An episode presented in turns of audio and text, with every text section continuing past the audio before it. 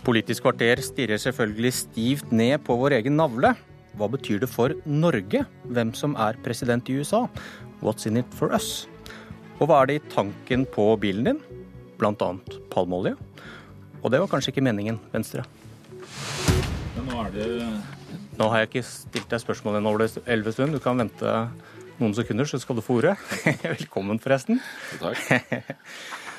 Regnskog holder på klimagassen CO2, men i Asia hogges regnskog for å, få, for å plante oljepalmer.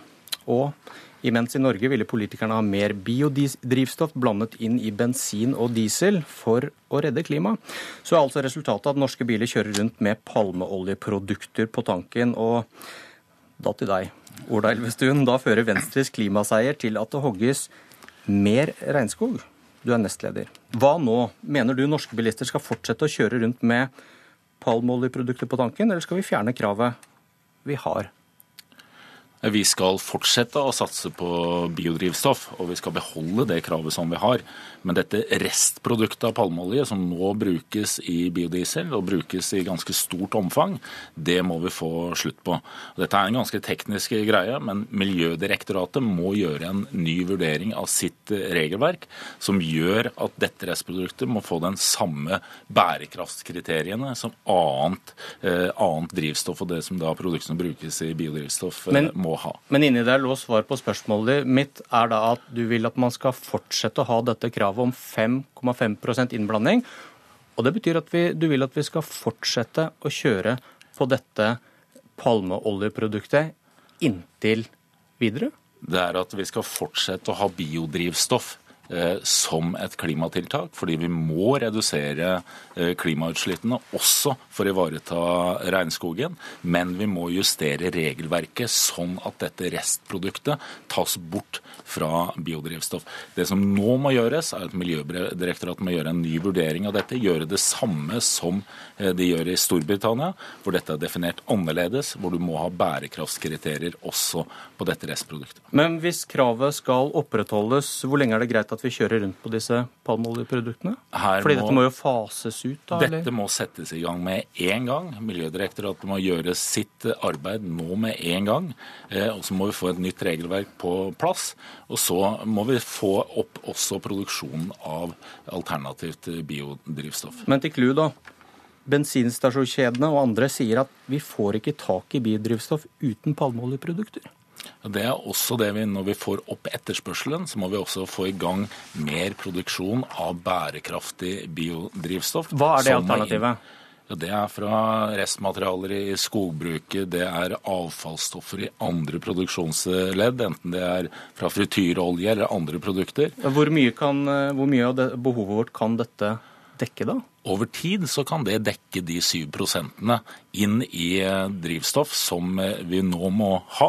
Og så skal vi også fram mot 2030 skal vi redusere forbruket av bensin og diesel med 50% Det er det som nå, nå kom i Nasjonal transportplan, og anbefalingen fra fagmiljøene. Men er det da greit at vi i fem år framover kjører på disse biproduktene av eh, palmeolje som Nei, jeg vil anbefale folk som skal ha biodrivstoff, at de etterspør også i dag biodrivstoff som ikke Ja, men dette har er det dere politikere som styrer. Og når du sier at vi skal opprettholde kravet om 5,5% vi skal opp til 7 Venstre vil til og med innen 2020 ha 10% innblanding av biodrivstoff.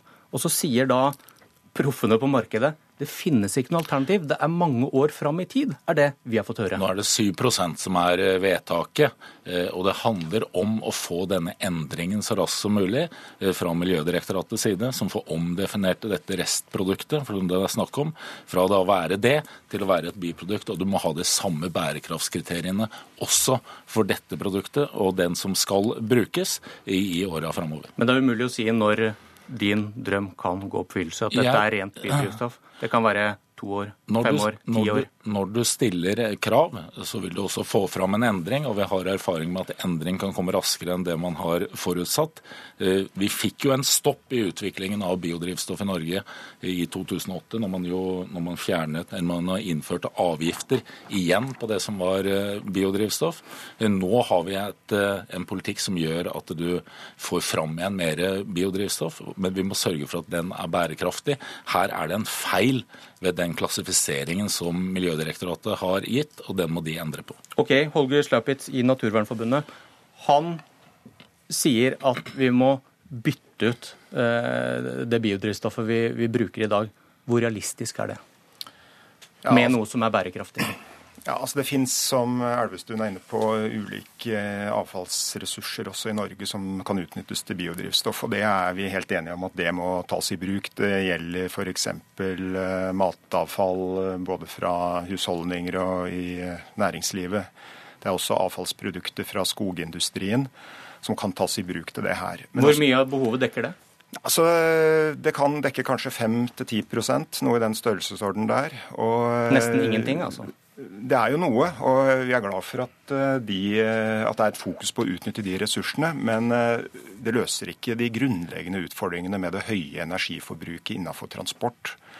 Og Skal vi løse transportutfordringene, så må vi ha et fokus både på å ta i bruk ny teknologi, som elbiler, ta i bruk den formen for biodrivstoff som er bærekraftig, sjøl om det bare er en liten andel. Og så må vi ha et fokus på å begrense transportomfanget. Altså Vi kan ikke bygge nye motorveier, utvide flyplassene og øke behovet for drivstoff. Da kommer vi ikke i mål. Men når vi snakker om biodrivstoff, da, Elvestuen, 5-10% av vårt behov kan dekkes ved det du snakket om. Ja, men det her som Vi er jo helt enige at vi må jobbe på alle feltene. Vi må satse mye mer på nullutslippsteknologi, elbiler, hydrogen. Men svar på vi... det med 5-10% av behovet for biodrivstoff, at ja. det kan dekkes i Norge? Vi må klare over tid også å kunne produsere mer biodrivstoff.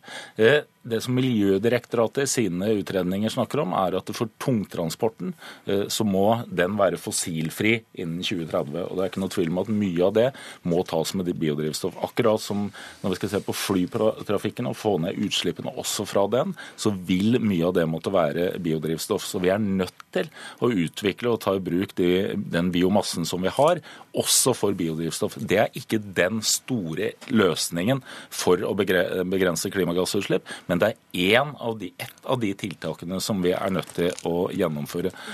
Hvor lenge må vi kjøre på eh, rester av palmeolje før man kan få dekket dette på annen måte, disse 7% Elvestuen snakker om, da, innblanding? Nei, Det er vanskelig å si. Altså, hvis biltrafikken fortsetter å vokse, så kan det ta veldig lang tid, for da trenger vi enda mer drivstoff. Bare i fjor så var trafikkveksten på 2% og nulla ut effekten av elbilsatsinga. Så dette kan ta tid.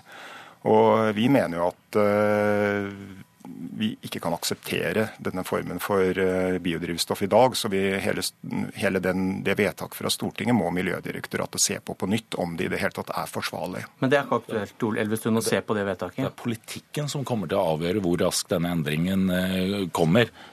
Og som sagt, målsetting må være at det så godt som 100% av nybilsalget må være nullutslipp innen 2025. Da må vi bruke hele det spekteret vi har og skatter og avgifter for å oppnå det. Hvis vi ikke gjør det, så klarer vi ikke å nå målene med 40% reduksjon av klimagassutslipp innen 2030. Men det med biodrivstoff er ett ledd i dette. Det Miljødirektoratet nå må gjøre, er å gjennomgå sitt regelverk. For det regelverket de har nå, tillater bruken i biodrivstoff. Det må de endre på, og vi må få samme regelverket som de allerede har i Storbritannia. Ble det en miljøseier med en bismak?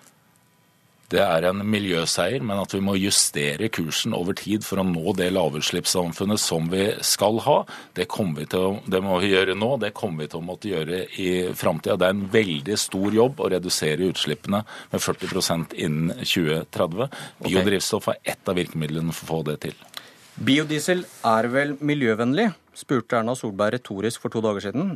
NRK leter videre etter svar på det i kveld. Hør på Dagsnytt 18.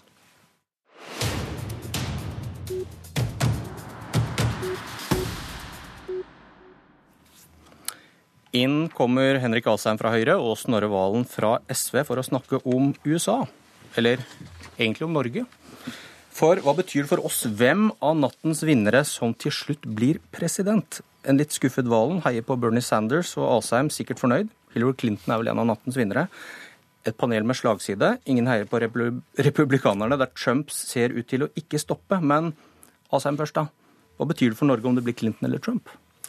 Ja, Det betyr en del. Det er klart at Norges allianse til eh, USA har jo vært uh, veldig sterk, er det fortsatt, og kommer til å være det i fremtiden. Men vi har jo vært igjennom forskjellige amerikanske presidenter, og nå står vi foran to veldig forskjellige kandidater. Hvis det blir nå Trump mot Clinton, så vil det ha noe å si, men, men ikke for vår langsiktige alliansepolitikk med USA. Den kommer til å være veldig stabil og god. Men, uh, hans... Selv om det blir Donald Trump? Ja, altså sånn som det har vært. Vi har jo hatt andre presidenter tidligere også, og amerikansk politikk er jo et bolverk mot at en president kan gjøre hva han vil, han også. Det er mange kontroller. og jeg tror også det er viktig i en sånn diskusjon som dette å si at amerikanerne er jo ikke en gruppe. Det er 300 millioner mennesker som mener veldig forskjellige ting, og setter sammen et senat, en kongress og velger president. Og har en høyesterett.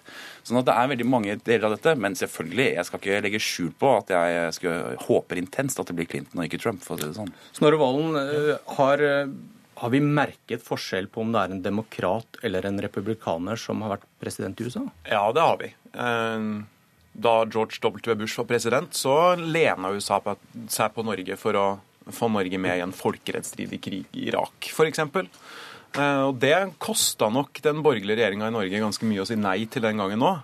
Eh, det blei så vidt, men det var nok mer fordi det var mange titusen nordmenn i gatene som sa vi vil ikke være med på krigen mot Irak. Men er ikke USA verdens politimann, eller kanskje kvinne nå, da, etter hvert, uh, uansett hvem det er som sitter der? Nei, det er jo noe av det som er spennende med valgkampen her. Hillary Clinton er jo blant de som omtales mest som en hauk da, i utenrikspolitikken. Hun er veldig for bruk av militærmakt rundt omkring i verden og ligner ganske mye på republikanerne i utenrikspolitikk. Det gjør ikke Bernie Sanders, f.eks. Han er mye mer tilbakeholden. Han bryr seg mer om veteranene enn om kriger, som han sier. Eh, og han har også et mye mer balansert syn på konflikten i Midtøsten. Så jeg tror det vil kunne ha noe å si, men kanskje mest for andre land enn Norge, sånn direkte. Jeg tror det er hvis det er Trump som blir president, at vi bør begynne å svette her hjemme. Virkelig. Men det er jo Bernie Sanders representerer jo litt, mener jeg, også den demokratiske populismen som vi skal være litt redd for. For det er jo den ideen om at USA ikke skal engasjere seg. Og hvis du skal ha én supermakt som faktisk presser på for verdier, så er det veldig bra at det er et land som presser på for menneskerettigheter og den type ting. Og det andre er jo at eh, George W. Bush er et eksempel på en presidentkandidat som egentlig gikk til valg på å være opptatt av innenrikspolitikk. Han skulle ikke blande seg så fælt. Så kom 11.9, og alt ble snudd på hodet. Sånn at en presidentkandidat formes jo, eller en nyvalgt president formes formes jo veldig av hendelsene som skjer, ikke bare av hvilket program de har valgt på. Mm. Men det kan forme enormt hvilken politikk de fører. Hvis vi ser på Europa i dag og det vi er bekymra for, en krig i Syria og en mulig destabilisering av Europa pga. en flyktningstrøm ingen helt vet hva vi skal gjøre med, mm. hva betyr hvem som styrer USA for det? Bry, bryr de seg? Eh, historisk sett så har jo USA brydd seg mye om Europa, men litt uavhengig av hvem som blir president nå, og hvem som blir det om fire år og åtte år, så vil jo USA trekke seg stadig mer unna Europa. De vender blikket Eh, østover for oss, eller vestover for USA, altså mot Asia. De er mest opptatt av Kina, balansering i Det indiske hav. Eh, det er det som kommer til å forme amerikansk global utenrikspolitikk i åra som kommer. Eh, og det sa jo Obama ganske tydelig rett ut tidlig i sin presidentperiode, at nå må Europa være forberedt på å ta mer ansvar for seg sjøl. Vi kommer ikke til å bry oss like mye om Europa i framtida. Og så sørga jo hendelsene i Ukraina og Russlands invasjon av Krim for at eh, den tankegangen ble satt litt på vent. Men litt sånn uavhengig av hvem som blir valgt som president nå, så vil vi nok se et litt mer innadvendt USA i åra som kommer. Også fordi de har mye større problemer på hjemmebane og med økonomien og med forskjeller enn de har hatt på veldig lenge. Men det er jo, hvis man skal da være litt egoist som europeer, men jeg er veldig problematisk. Fordi hvis du så hva som skjedde på Krim, så så du også hvor viktig det er å ha et tungt USA som kan gå inn og slå i bordet. Og Det samme gjelder da i Syria. Det er derfor jeg mener at Hillary Clinton vil være en ganske god kandidat også mellom de to demokratiske kandidatene. Fordi hun er, har vært utenriksminister, hun har den erfaringen, og hun er åpen for å bruke også USAs rolle internasjonalt på en helt annen måte. Det vil være viktig ikke bare for Norge, men for verden. Hvis du skal ha et land som leder an, de er over 70% av Natos budsjett, så er det veldig viktig at det er et land som også respekterer menneskerettighetene, og som ikke er redd for å gå i klinsj med noen annen stat dersom de uh, truer eller presser sin egen befolkning. Det har vært noe av problemet at USA er for lite redd til å gå i klinsj med en annen stat. Uh, Bernie Sanders er jo tilhenger av en koalisjon for å bekjempe ISIL, f.eks. i Syria. Men som han sier, så er det aller viktigste at det er den arabiske befolkninga sjøl som klarer å kjempe den kampen og settes i stand til det. Og Det er jo noe også Hillary Clinton burde ha lært. Hun støtta jo f.eks. Irak-krigen. Kort svar til slutt. Hvem vinner helt til slutt? Jeg tror fortsatt det er Bernie Sanders. Hvis han ikke gjør det, så ville vil han ha satt sitt virkelige preg på presidentkampanjen til Clinton. Og det jeg er først og fremst viktig internt. Fem sekunder, Asheim. Vi får oppleve den første kvinnelige presidenten i USA, og det er Hillary Clinton. Og dette var Politisk kvarter med bare menn.